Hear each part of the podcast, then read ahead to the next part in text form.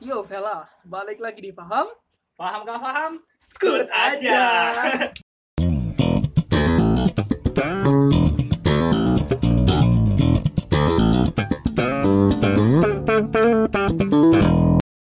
Ya balik lagi di Paham. Ada di sini ada Amal Dan di sini juga ada Fahri. dengan hangatnya Kota Padang. Lu yakin ini hangat? Panas sih panas, Panas banget dari gua butuh minuman yang agak-agak dingin. dingin gitu, yang menyegarkan gitu. Gua butuh es batu sih sebenarnya sih. Sprite. Es kurang sih sebenarnya ya.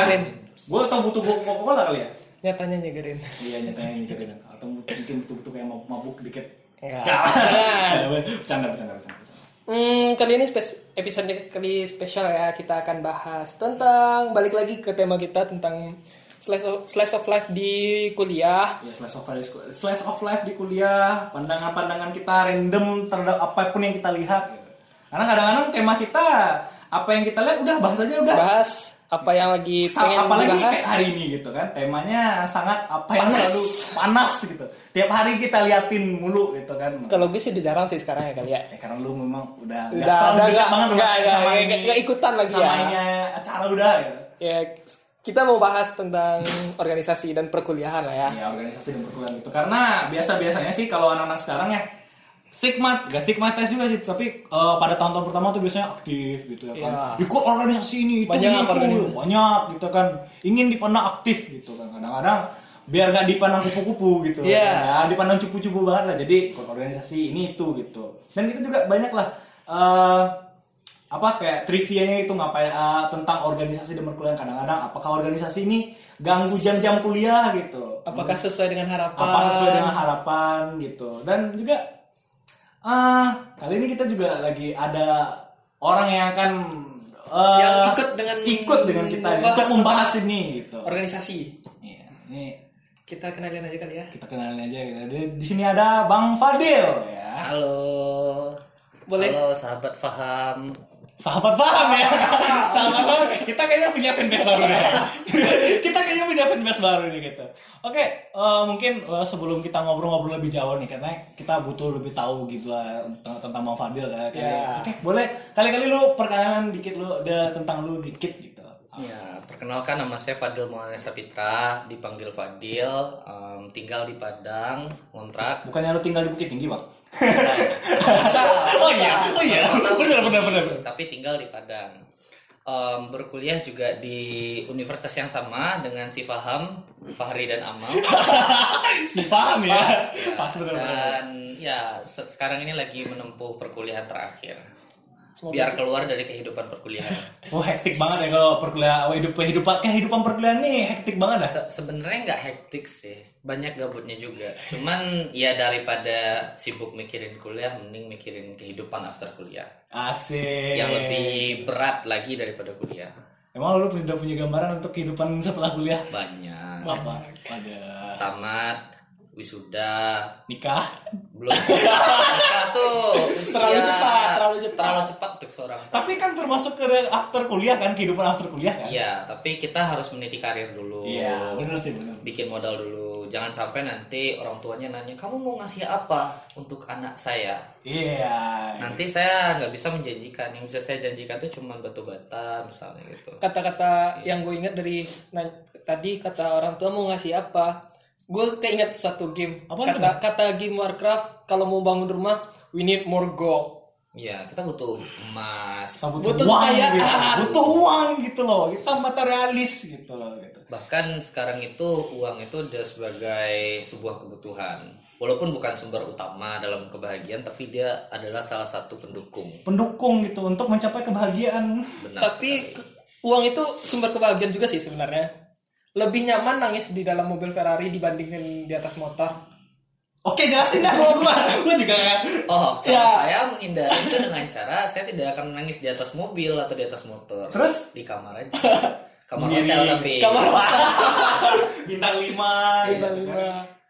didatengin oleh Udah. ya. Udah tahu dah, sama-sama tahu dah. Dan sama tahu aja. Jadi ini perkenalan singkat dari Bang Fadil itu sendiri ya gitu. Jadi Pak mungkin para ciwi-ciwi mungkin yang pengen kenal lebih jauh mungkin ya Bisa dicari di Instagramnya bisa apa cari lo? Instagram gitu. FM titik Rover Kenapa Crawford? Em, itu tuh nama keluarga ya. Jadi kan kebetulan eh, pernah tinggal sama orang tua angkat di Australia. Jadi nama keluarga mereka tuh Crawford. Jadi setelah itu em, gua coba ngomong sama ibu angkat dan bilang kalau gua pakai Crawford gimana. Terus orang tua bilang ya nggak apa-apa mau pakai Crawford apa enggak. Jadi akhirnya kami resmi, eh saya resmi, gua resmi menjadi Fadil Crawford ya itu nama luarnya aja kalau di sini tetap Fadil Maulana gitu kan they, are, they are cool with that kan dengan nama yang Ya. lu gunain nama gitu. nah jadi kami sudah dianggap keluarga makanya bisa pakai nama Crawford Oke oke. Oke silahkan. Nah, gini nih, Bang Fadil kan udah udah masuk akhir-akhir perkuliahan lah ya. Udah udah banyak pengalaman dari Udah banget lah kita masih kita. yang semester semester lima ini yang belum tahu apa-apa. Ya. Belum masih kalah pengalaman. masih kalah lah. gitu. Jadi menurut Bang Fadil tuh organisasi itu apa sih? organisasi itu berdasarkan definisinya adalah sebuah perkumpulan di antara berbagai macam orang untuk mencapai tujuan yang sama jadi kan berarti kita bisa ngambil kesimpulan mau lu mazhab syafi'i mau lu mazhab hambali lu mazhab eh, maliki, lu tuh punya tujuan yang sama yaitu adalah menyebarkan agama Islam. Itu organisasi gitu. Jadi kalau misalnya ada orang yang bilang bahwa kita harus sama itu nggak organisasi lagi. Itu mungkin komunitas. Karena komunitas yang biasanya identik dengan mengumpulkan orang-orang yang sama secara prinsip dan pandangan gitu Berarti kayak partai politik gitu ya. kalau partai politik itu udah kepentingan sih kayaknya tapi dia pasti ada organisasi Tapi jadi kan kayak struktural gitu. organisasi itu perlu mau di apa pun kalian pun kalau nggak terorganisasi ya nggak bisa menjalani hidup secara baik kayak gitu jadi kalau secara definisi organisasi itu kan perkumpulannya Iya. tapi secara practicality organisasi juga bisa kita bilang kayak cara kita mengatur sesuatu di dalam hidup kita jadi Hmm. mengorganisir gitu Lebih kayak memanage sesuatu gitu ya lebih. ya mengatur gitu makanya organisasi identik dengan atur mengatur jadinya Hmm, menarik ya kalau soal ngatur ngatur ini ya. Lebih mana ya? Kayak negara sendiri ya kayak. Ya, kayak kayak Ada- ada, ada- apa oh, gitu dah sama saat ngatur ngatur ini. Tapi uh, uh, gue mau nanya sedikit. Tadi kan lu bilang tadi soal uh, organisasi itu kan kayak harus meng, meng- uh, mau mau berbeda apa pun alirannya gitu, tapi ada pada tujuan yang sama gitu kan. Tapi beberapa kayak gue dengar kayak anak-anak organisasi terus bilang kayak ya kita semua harus satu kepala gitu, harus satu isi gitu biar untuk mencapai tujuan sama itu. Berarti mereka udah menganggap diri mereka komunitas dong kalau kayak gitu. Iya sebenarnya kita bilang dulu cara mereka menyamakan perspektif seperti apa kesepakatan kah atau paksaan atau doktrin Waduh, yang terakhir nih menarik sih. Tapi boleh dijelasin dulu dah tadi kan yang kalau misalnya kita bilang kalau kita organisasi Indonesia kan identically kita tuh pakai yang namanya musyawarah mufakat. Pancasila Jadi semuanya itu kan berdasarkan hasil kesepakatan selama permusyawarahan. Jadi misalnya berarti kita sebagai seorang organisator yang benar katanya, ya berarti kita harus konsen. Jadi konsensual terhadap sebuah keputusan. Berarti kita tanya, misalnya menurut saya kita begini, bagaimana menurut teman-teman. Jadi kita minta setiap orang di organisasi kalau bisa berpendapat menyampaikan sudut pandang mereka karena perbedaan tadi kan yang mau kita satukan dan biar mendapatkan sebuah keputusan yang sama dan sama-sama menguntungkan lah jatuhnya. Iya. Nah itu kan berarti kalau misalnya kita pakai konsep musyawarah kayak gitu. Jadi kita tetap harus tanyain bukan berarti mentang-mentang kita mayoritas dan terus orang-orang yang lain nggak bisa berpendapat dan kita minta mereka ngikut kita itu nggak itu nggak nggak musyawarah jatuhnya. Jadi ibaratnya kita tetap ngasih ruang gitu. Ya seperti yang kita tahu kan musyawarah kan berasal dari agama Islam ya. Kan di zaman-zaman Nabi dulu kan kalau kita berdiskusi bermusyawarah kan kayak gitu. Nggak pernah Nabi yang bilang oh kita harus begini nggak. Pasti Nabi nanya bagaimana saudaraku, bagaimana sahabatku gitu kan. Adem ya. Gua adem dah gitu dah. Nah, kalau musyawarah gitu, tapi kalau misalnya konsepnya misalnya kan Paksaan atau doktrin gimana? Ya. Kalau- kalau pesan sama dokter gimana? kalau misalnya kita bilang eh, menyatukan kepala di sini itu dengan cara meminta orang untuk ngikut kalian, ya jatuhnya ada pemaksaan di situ kan. Eh, pemaksaan ini tentunya tuh menurut kita sih nggak baik juga karena gini. Eh, organisasi itu kan ruang buat orang berpendapat, bukan berarti lu bisa berkehendak dengan pendapat lu Benar, kayak gitu. Kalau lu maksain pendapat lu, lu bukan organisator yang benar, tapi lu tuh adalah orang yang cuma memaksakan kepentingan lu aja kayak gitu. Nah biasanya identiknya di sini. Kebanyakan orang nggak bisa ngebedain kapan sih musyawarah itu yang benar-benar dikatakan legitimate yang benar-benar men- mengumpulkan atau menukangi seluruh kepentingan orang.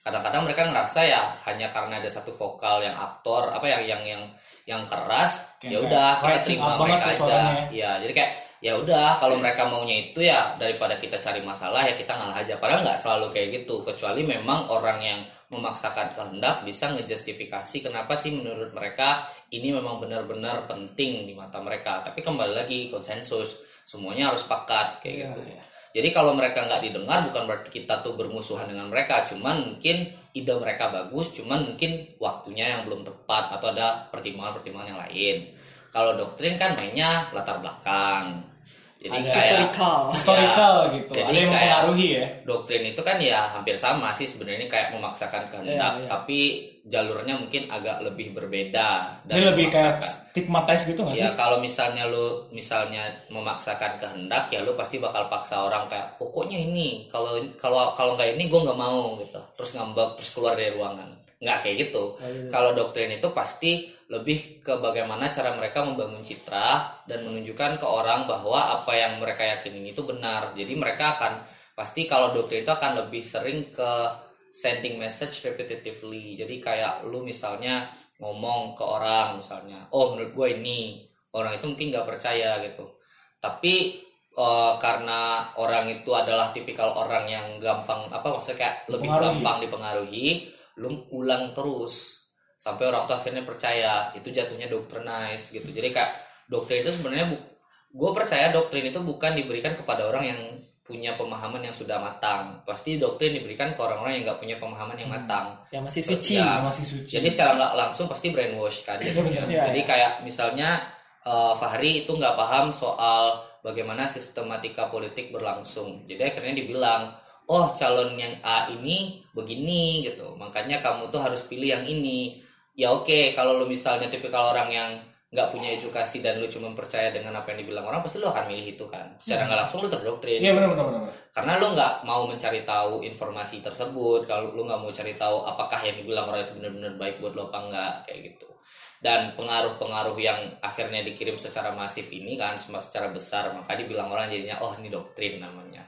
Karena secara nggak langsung lu kan nge, nge apa mema- memasukkan pemahaman lu ke orang yang sebenarnya orang tersebut juga nggak tahu pemahaman yang lu anut itu benar apa enggak gitu tapi gue pas bang Fadil bilang kayak ya disuapin aja gitu terus kayak diulang-ulang aja Iya. terus gue gue teringat satu gak kuat sih apa ya satu pemikiran yang kayak kalau ini kalau salah gue sensor aja dan namanya kayak salah satu Kayak aktor iya kayak dia pernah bilang waktu itu kayak Bangsa. kebohongan itu ya sesuatu yang kalau lu mau orang percaya ya kebohongan itu diulang-ulang terus gitu, Iya. sampai orang Iya, percaya gitu Benar.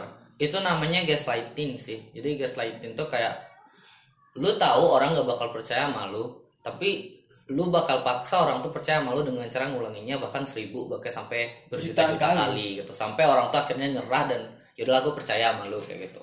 Kan, Dan itu tuh biasanya terjadi di masyarakat dan itu banyak banget sebenarnya kayak bahkan di salah satu ormas pun ada gitu yang memaksakan itu jadi sehingga akhirnya terjadi pengotakan ketika misalnya apa yang mereka bilang ini benar dan diglorify berkali-kali terhadap orang lain misalkan oh ini benar ini yang salah ini yang benar ini yang salah akhirnya terjadi pengotakan ketika orang nggak setuju dengan pendapat mereka mereka orang yang salah kayak Iya. gitu.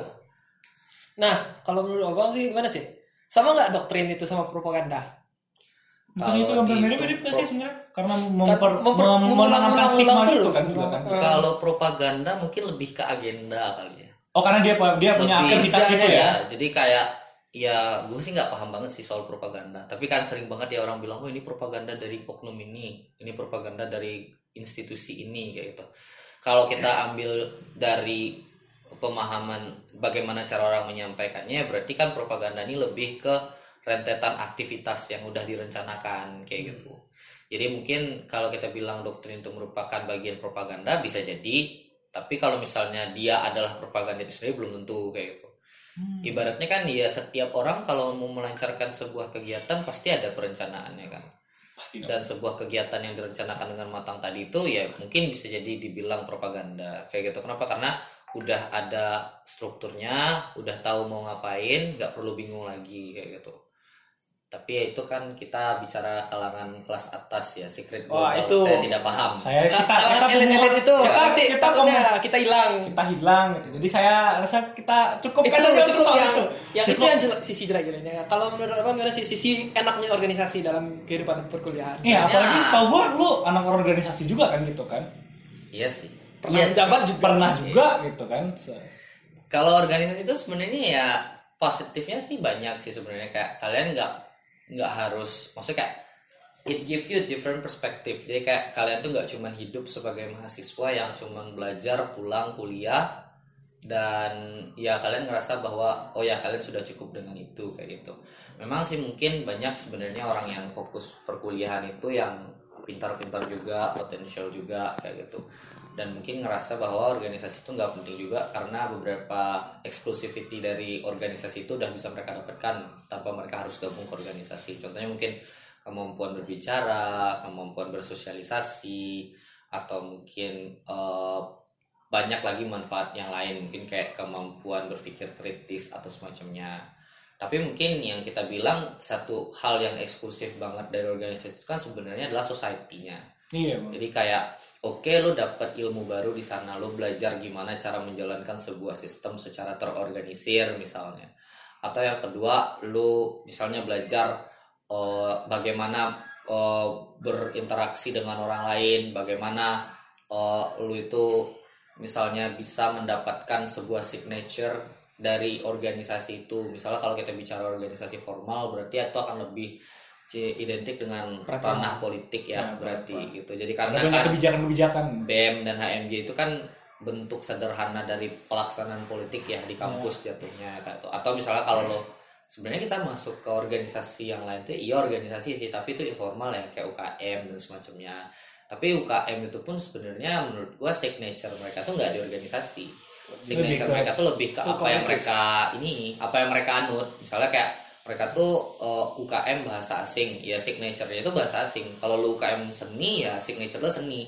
Jadi maupun seberapa besar oh, lu bilang itu adalah sebuah organisasi porsi organisasi itu sebenarnya nggak semasif di organisasi formal kayak BEM dan HMJ jadi sebenarnya fungsi organisasi bagi mereka tuh cuman untuk me- Structurized gitu ya. Nah ya untuk me- Mengatur. mengatur. Mengatur aja. Jadi kayak aktivitasnya ya majority tetap ya apa yang mereka pi mereka anut. Misal kayak mereka lembaga dakwah ya nggak mungkin dong lembaga dakwah secara organisir kayak harus ada pula hierarki bahkan mungkin di agama tertentu tidak setuju dengan keberadaan Iya. hierarki makanya sebenarnya fungsi organisasi itu cuman pengatur aja buat mereka jadi kayak ini agenda lu ini organisasi fungsinya apa biar agenda lu lebih jelas lebih terstruktur udah punya jangka pendek jangka panjangnya Udah punya gimana, planning gitu. segala macam. udah jelas siapa yang mimpin udah jelas siapa yang ngurus ini ngurus itu kayak gitu tapi mau gimana pun porsinya harus lebih besar di eh, interestnya di minatnya tadi kayak Iya, gitu iya. itu sih dan sebenarnya eksklusivitinya ada di sana misalnya kalau lu nggak ikut organisasi ya otomatis ya lu lu tahu mungkin hal-hal yang seperti itu tapi mungkin lu nggak dapat area atau platform untuk mempraktekkan atau mengobservasinya lebih jauh kayak gitu. Tapi kan kalau lu masuk di dalam lu bisa observe gimana society-nya orang-orangnya di dalam. Lu bisa nge-observe oh ternyata ini loh yang membuat organisasi itu berjalan.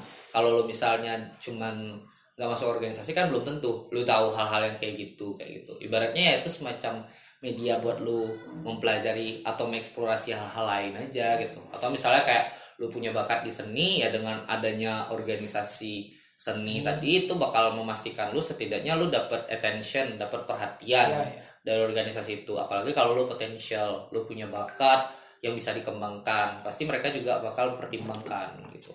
Oh ini bagus nih anaknya. Jadi kalau bisa kita bikin agenda buat bikin anak ini gimana caranya dia bisa lebih bagus misalnya kayak gitu. Jadi ibaratnya yang gue percaya sih eh, tujuan-tujuan dari organisasi itu yang nantinya akan memberikan development kepada setiap individu. Supaya nantinya ketika mereka eh, telah tamat dari organisasi tersebut ilmu-ilmu yang mereka dapat selama di organisasi ini udah applicable di sosial kayak gitu ketika mereka masuk ke sebuah organisasi di masyarakat misalnya atau di kantor misalnya udah bisa lebih teratur lagi dalam da- uh, Iya. untuk, oh, untuk ketika masuk ke dalam yang lebih karena mungkin lebih lebih serius lagi karena karena kan Hmm. ketika masuk ke kayak kantor ormas atau segala macam atau perusahaan pun kayak lebih complicated lagi ya daripada Iya. kita masuk ke kayak UKM gitu kayak UKM ataupun BEM, HMJ dan segala macam gitu ya.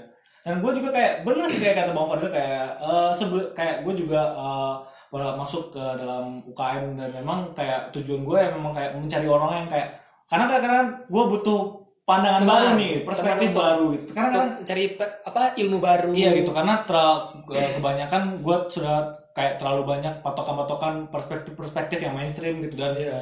cuma amal doang nih dulu pertama orang pertama yang kayak ini orang kalau gue sharing itu banyak uh, uh, insight baru yang gue dapat gitu dari amal dan gue kayak hmm kayaknya butuh lebih banyak lagi nih perspektif baru. Terus kayak udah gue masuk UKM dengan tujuan yang emang kayak mencari perspektif-perspektif baru. Dengan orang-orang yang kayak mungkin punya satu hobi atau satu kesamaan gitu yang sama sama gue dan gue emang dapat itu sih emang banyak dah gitu yang gue bisa dapetin sih sebenarnya kalau dari organisasi itu.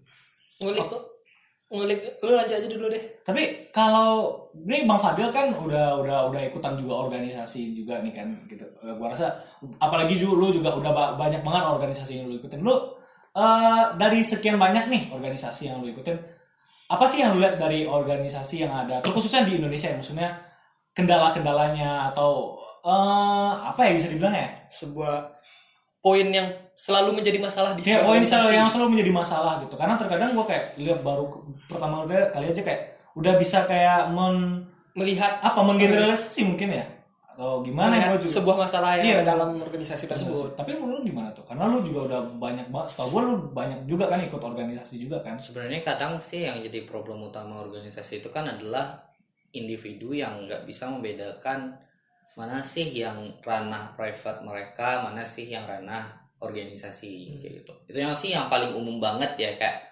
misalnya lu pacaran sama anak yang satu organisasi sama lu terus lu putus Lu ada kayak gitu, ada gitu ya.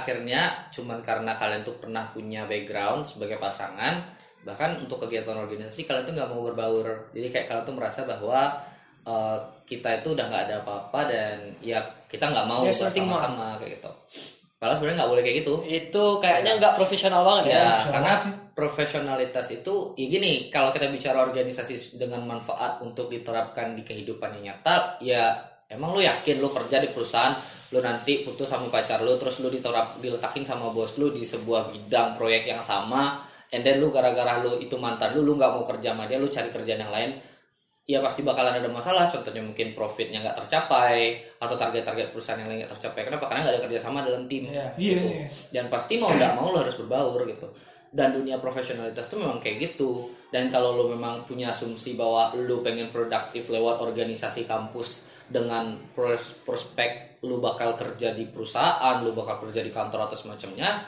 lo mau nggak mau harus to be professional. You need to make sure there is a different there is a different place from your private uh, area and you your organization area gitu. Meskipun itu pacar lu lu di organisasi yang sama lu tetap harus profesional. Lu tetap harus nganggap dia temen lu at least di sana gitu.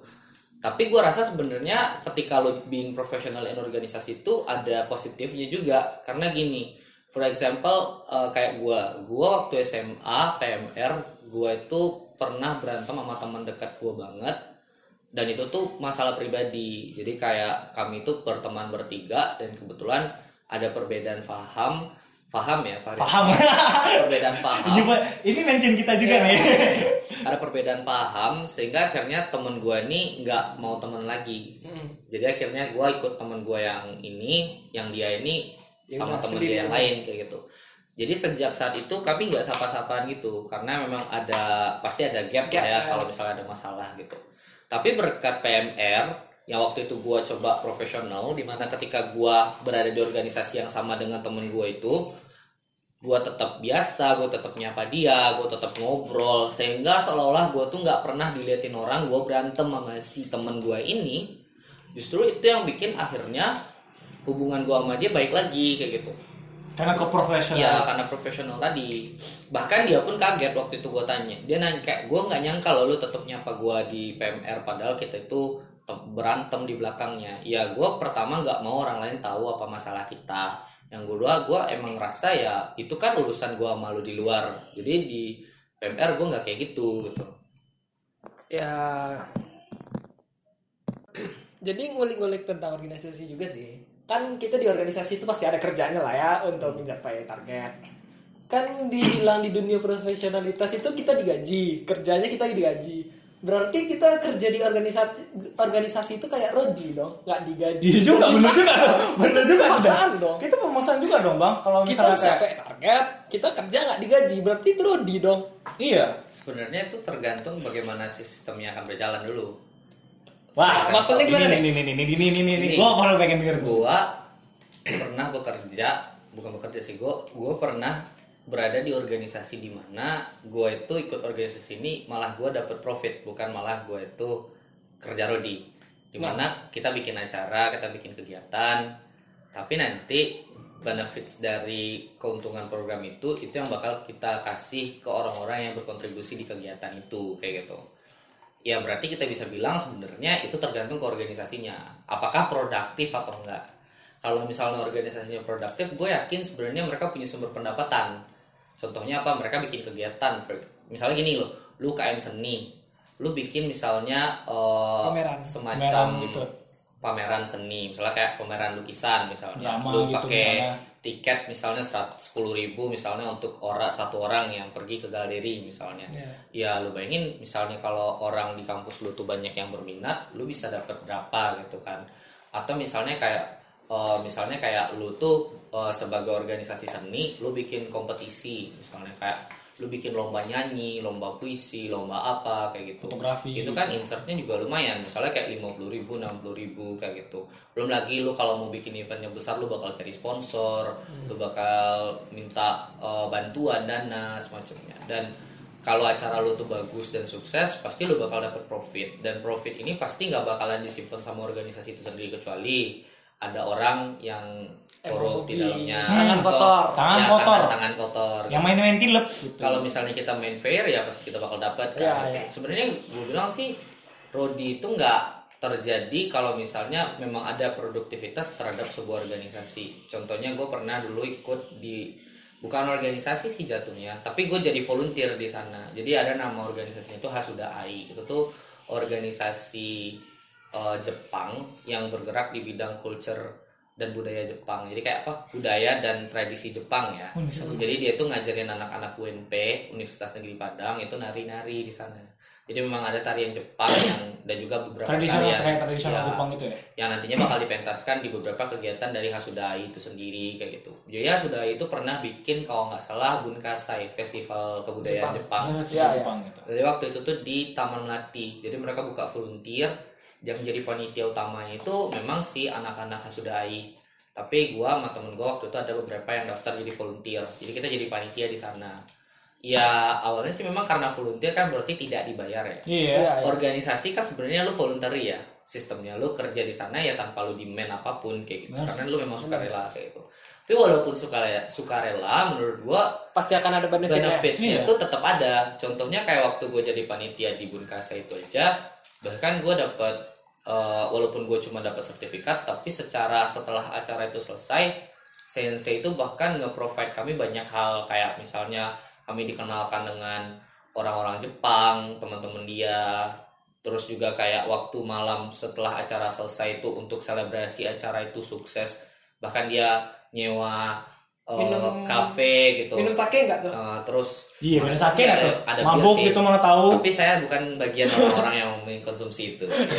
Jadi kayak akhirnya sensei ini nggak traktir kita semua. Jadi kayak mereka tuh nyewa kafe itu ada namanya Taman Palem di dekat Taplau. Hmm. Nah, jadi lantai duanya itu di booking buat kita semua di sana. Jadi akhirnya waktu itu sensei itu bilang ini bentuk apresiasi kami terhadap kalian yang udah kerja keras sebagai panitia kayak gitu.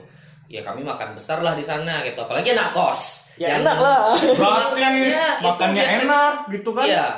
Apalagi biasanya kita cuma makan itu tahu lima ribu itu tuh kan dapat empat potong terus kita bagi untuk dua hari dua potong hari Senin dua potong hari Selasa kan miris dan itu kan kita Giris banget dah gue denger. perbaik, apa perbaikan gizi Perbaikan gitu. gizi, ya. jadi akhirnya ya kayak jadi emang ngerasa sih mungkin walaupun kita nggak dibayar secara uang tapi ada loh benefits yang kita dapat sebenarnya makanya gue bilang tadi ini kembali ke bagaimana bentuk organisasinya dulu dan bagaimana kegiatan Pelaksanaannya, organisasinya iya. gitu kalau organisasinya biasanya jarang bikin kegiatan terus organisasi ini cuma sebagai label doang kontribusinya nggak ada misalnya. Atau misalnya organisasinya bikin kegiatan tapi yang kerja cuma beberapa orang terus acaranya tuh defisit ya lu wajar lu komplain kayak gitu. Karena ya gini sih gue mikirnya orang yang masuk ke organisasi itu ada dua tipe. Pertama emang yang voluntary memang memang berpikir bahwa mereka cuma mau mencari new experience untuk masuk ke sana ya terlepas apakah itu baik atau buruk untuk mereka tapi mereka bisa belajar hal baru tapi kan ada yang masuk ke organisasi juga karena ada maunya kayak gitu Maksudnya cari ada maunya gimana? pacar misalnya Oh, Nah itu Ya. tuh contohnya kayak gue. Lu emang kayak gitu?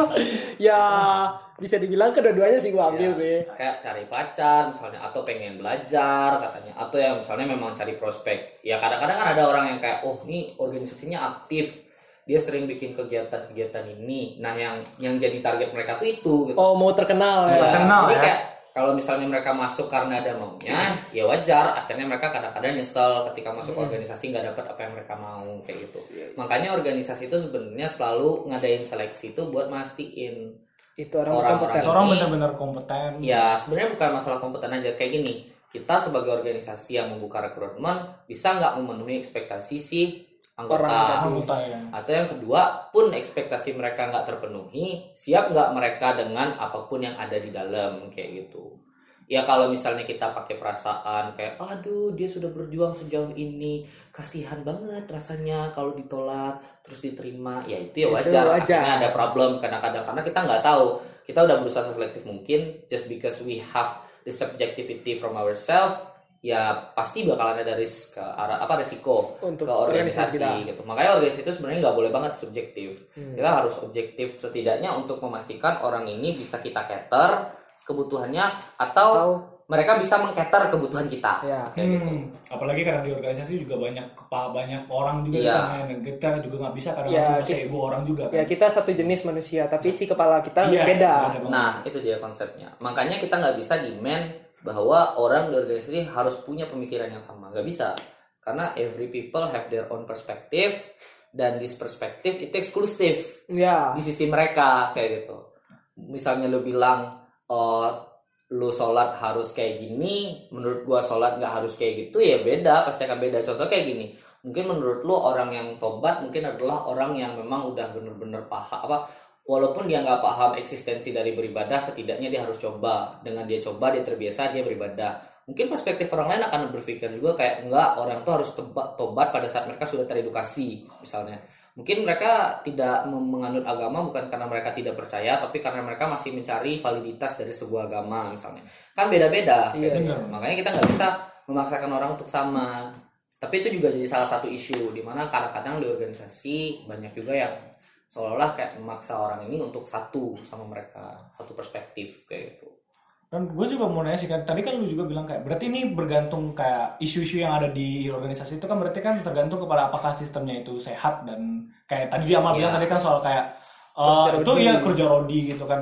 Menurut lu gimana sih kayak gimana sih cara kita misalnya kayak sebagai orang organisasi gitu kadang-kadang kayak kita punya oh, kepala-kepala yang berbeda gimana caranya kayak mereka nih merasa nggak kayak ya kayak nggak kerja dipaksa gitu kayak semua sama enak gitu kayak win-win solu dapat dapat win win-win solution aja gitu. Itu back to individu.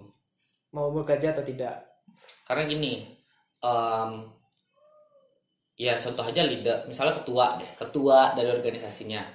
Ketua kan ada leader, ada bos. Enggak. It depends on this individual to be leader atau to be boss. Ya kalau bos ya, you know, bos itu identically dengan orang yang suka mengatur, orang yang selalu ingin kehendaknya didengarkan, orang yang selalu ingin mengomandoi siapa pun, memegang pengaruh terhadap siapa pun, dan nggak mau disalahin, nggak mau dikritik. Itu kan bos kayak gitu. Ya kalau misalnya bos yang kita kategorikan sebagai orang yang seperti ini, ya otomatis ya lu gimana mau mengekspektasikan ada win-win solution di dalam organisasi. Bahkan bos aja nggak ngerti loh gimana kondisi dari anggota mereka. Ya. Makanya sebenarnya kita bisa kategorisin tergantung individualnya. Kalau misalnya ketuanya itu leader, ya leader kan biasanya dikenal dengan karakteristik seperti orang yang ramah orang yang motivasi apa selalu memotivasi Karismatik, gitu. orang yang eh, selalu berusaha untuk mendengarkan pendapat orang lain orang yang selalu berusaha mengerti setiap individu yang ada di dalam institusi mereka. Ya kalau misalnya yang dikarakterin sebagai ketua dari organisasi adalah typical leader yang udah kita karakteristik tadi ya bisa-bisa aja dapetin win-win solution. Kenapa organisasi kan udah kayak gue bilang tadi kita tuh di tempat yang berbeda dengan perspektif yang berbeda tapi kita pasti punya tujuan yang sama. Makanya kita masuk di satu Iya. wadah yang sama kan gitu.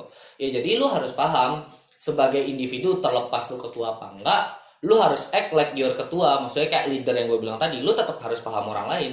Understanding in your society is something that really affect to how the organization can give a benefits. Jadi kayak ya tergantung cara lu ngasih afeksi. Kalau lu misalnya ngasih afeksinya nggak baik ya organisasi bakal nggak baik juga perannya. Makanya sebenarnya makanya organisasi baru bakal dapat win-win solution ketika setiap individunya saling memahami saling mengerti berusaha untuk benar-benar mature dalam menghadapi setiap permasalahan bukan malah blaming bukan malah membela diri kalau salah bukan tidak mau dikritik Jadi kalau individu-individu yang kayak gini drama drama king Iya, ya. nah, drama ya juga. Kalau misalnya individu-individu yang seperti itu ya ya wajar. Akhirnya ya banyak orang yang ngerasa ya masuk organisasi nggak ada benefit kayak gitu. Bahkan sebenarnya kan beberapa orang pun kadang-kadang bilang kalau mau masuk organisasi pastikan organisasi yang kamu pilih itu beneficial buat kamu, cocok dan sesuai dengan kebutuhan kamu. Karena banyak juga organisasi, bukan berarti semua ya, tapi banyak banyak juga organisasi yang kadang-kadang ternyata nature-nya itu nggak bagus kayak gitu. Mungkin aja terlalu menghakimi orang terlalu konservatif mungkin atau berbagai macam kayak gitu. Beda-beda lah gitu Ya, enak sih pembahasan kali ini. Iya. Lebih lebih berat ke kuliah Berat, ya. iya, lebih berat gitu. Nah, sih juga tadi gue juga dengar tadi kayak kita tadi ngobrol-ngobrol soal organisasi, kita juga ngobrol soal leader gitu kan. Dan biasanya sih dalam organisasi kita tahu semua lah ya kalau Iya. ada yang namanya kayak LDK gitu latihan dasar kepemimpinan Iya. gitu. Nah, gue mau nanya sih sama lu gitu. Eh, gimana sih maksud menurut lu menurut lu pertama adalah apa itu sebagai seorang pemimpin dan eh, menurut juga gimana sih dalam kepemimpinan dalam suatu organisasi itu yang menurut in your perspective it's right it's ideal to be a leader nggak tahu sih aja leader seperti apa karena leader kita di tukang kepentingan biasanya tapi Kebanyakan. ini Tapi ya, kan lu punya lu kan lu punya idea Punya harapan sub- sendiri. uh, subjectively. persona dari seorang leader itu adalah ketika mereka itu mau mendengarkan orang lain dan berusaha untuk visioner bisa memotivasi orang untuk ikut menjadi visioner juga. Bisa meninggalkan legacy. Legacy ini mungkin dengan cara mereka menyampaikan sesuatu mengajarkan sesuatu. Understand dengan individu yang ada. Ya, kalau menurut gue sih kepemimpinan yang terus menurut gue nih ya, pemimpin yang baik tuh ya gimana ya? Ya hampir sama sih kayak Bang Fadil tadi ya, yang mengerti, saling mengerti antara ke bawahannya dan teman-teman sekitarnya dan lingkungan an- di organisasi dia. Menurut ideal gak sih ketika ketika karena kita semua kayak gue bilang tadi kan kita kan semua kan nggak bisa gak akan bisa menguasai ego semua orang gitu kan karena ego orang kan kita sebagai manusia kan Ya. punya ego masing-masing gitu. Menurut apakah ideal juga gitu sebagai or- uh, pemimpin gitu untuk gak ya saling ngerti ego juga lah gitu ya orang memang ketua harus seperti itu. Ketika misalnya anggotanya terlalu keras kepala dan nggak bisa dikasih pengertian ya tugas ketua ya ngalah kayak gitu. Nggak boleh juga misalnya kayak bilang ke orang oh ini dia egois kita nggak usah ngikutin dia. Nggak juga bisa kayak gitu. Tapi kan pada pelaksanaannya kayak sekarang gitu kan kadang-kadang dengan dengan tipikal ketua yang kayak gitu malah ya kayak lama-lama tuh kayak ya kayak kependem aja gitu udah kayak tenggelam gitu ada, lama gitu iya. nggak ada orang yang gue percaya kalau misalnya persona dari ketua yang memang benar-benar bisa memang benar-benar deserve to be ketua ya. Maksudnya kayak ideal ketua itu adalah memang orang yang bahkan dia bisa masuk ke dalam eh, persona si orang lain. Maksud gue gini kenapa sih biasanya terjadi ketua yang tidak kelihatan berwibawa dan bisa takluk dengan orang yang egois mungkin karena si ketuanya nggak pernah masuk ke live si orang yang egois. Makanya bagi gue sebenarnya lu sebagai ketua bukan berarti lu bisa ngedictate apa pun. Lu perlu understand at least the background of each individual. Maksudnya kayak gini lu harus tahu loh gimana sih approach yang baik ke setiap individu. Karena percaya nggak bisa satu individu dengan individu lain lu samain cara lu ngedeketinnya kayak gitu. Ya contohnya kayak di organisasi yang pernah gue ikutin ada yang bahkan dia termasuk kategori introvert dan gamers abis yang susah berinteraksi dengan orang lain dan kadang ngomong aja nggak nyambung kayak gitu. Orang kayak gini pasti bakal di diekskludin dari organisasi karena mereka dianggap nggak bisa nggak cocok Berbaur lah gitu pokoknya. iya nggak bisa berbaur nggak cocok lah itu. Tapi sebagai ketua yang baik bukan berarti kita harus nyingkirin dia. Lu harus coba approach dia encourage dia yakinin dia bahwa ya dia itu di sini nggak sendiri gitu nah itu cara yang bisa bi- lakuin supaya orang ini bisa masuk lagi ke dalam nuance dari di- eh, dari organisasi itu sendiri. Nah, ketika orang tersebut egois juga ya seperti itu. Kita perlu tanya dulu, kenapa sih kamu pengen banget? Oh, gue begini-begini ya. Kalau misalnya alasan yang mereka masuk, em, mereka bilang kita itu masuk akal ya kan pasti kita bisa pertimbangin dong. Kayak gitu. At least untuk bikin kita menghargai mereka, masukkanlah sedikit perspektif mereka yang sangat keras itu ke dalam model yang kita mau tawarkan nanti ke orang-orang banyak. Setidaknya dengan kita menghargai mereka, mana tahu dia akan lebih senang dan lebih berbahagia lagi untuk menjalani aktivitas mereka kayak gitu.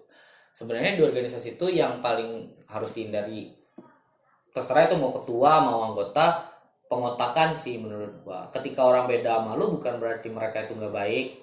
Ketika orang tersebut keras kepala bukan berarti mereka itu egois nggak nggak boleh kayak gitu. Lu tetap harus cari tahu alasan dari setiap orang itu kenapa mereka ngelakuin seperti itu kalau misalnya environment kayak gini tuh dibangun ya gue percaya aja sih suatu saat mungkin akan ada orang yang menjalankan sebuah organisasi secara positif kayak gitu karena sebenarnya ego itu bisa di diatasin sih dengan bagaimana cara kita ngedekatin lu bayangin banyak orang-orang egois ternyata dia punya teman dekat yang luar biasa dekatnya.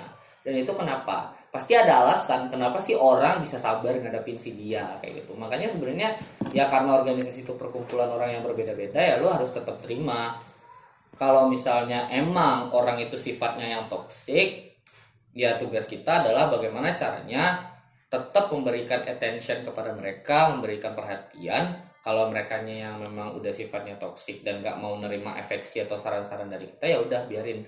Tugas kita kan setidaknya memberitahu kita nggak boleh maksa orang lain kayak gitu. Nah kalaupun misalnya nanti mereka bikin kelompok yang nantinya juga bakalan makin toksik dan malah nyalahin kita misalnya ya itu urusan mereka sama diri mereka. Kita nggak pernah terlibat di sana. Kita udah ngelakuin yang terbaik dan pun misalnya kalau kita respon mereka ya malah bikin kita jadi nggak baik kan Ya, nanti ya. kayak gitu. Berani beda itu baik gitu Ya. dengar itu kayak gue plesetin dari iklan itu Kayaknya episode kali ini udah panjang kali bang, banget ya. panjang banget Hmm, ini mungkin- itu bahkan pembicaraan yang kayak sangat relate banget bahkan bagi kita kita anak-anak kuliahan gitu juga karena dekat banget kan gitu Ya kayaknya episode kali ini sampai sini aja. This is Paham. Goodbye.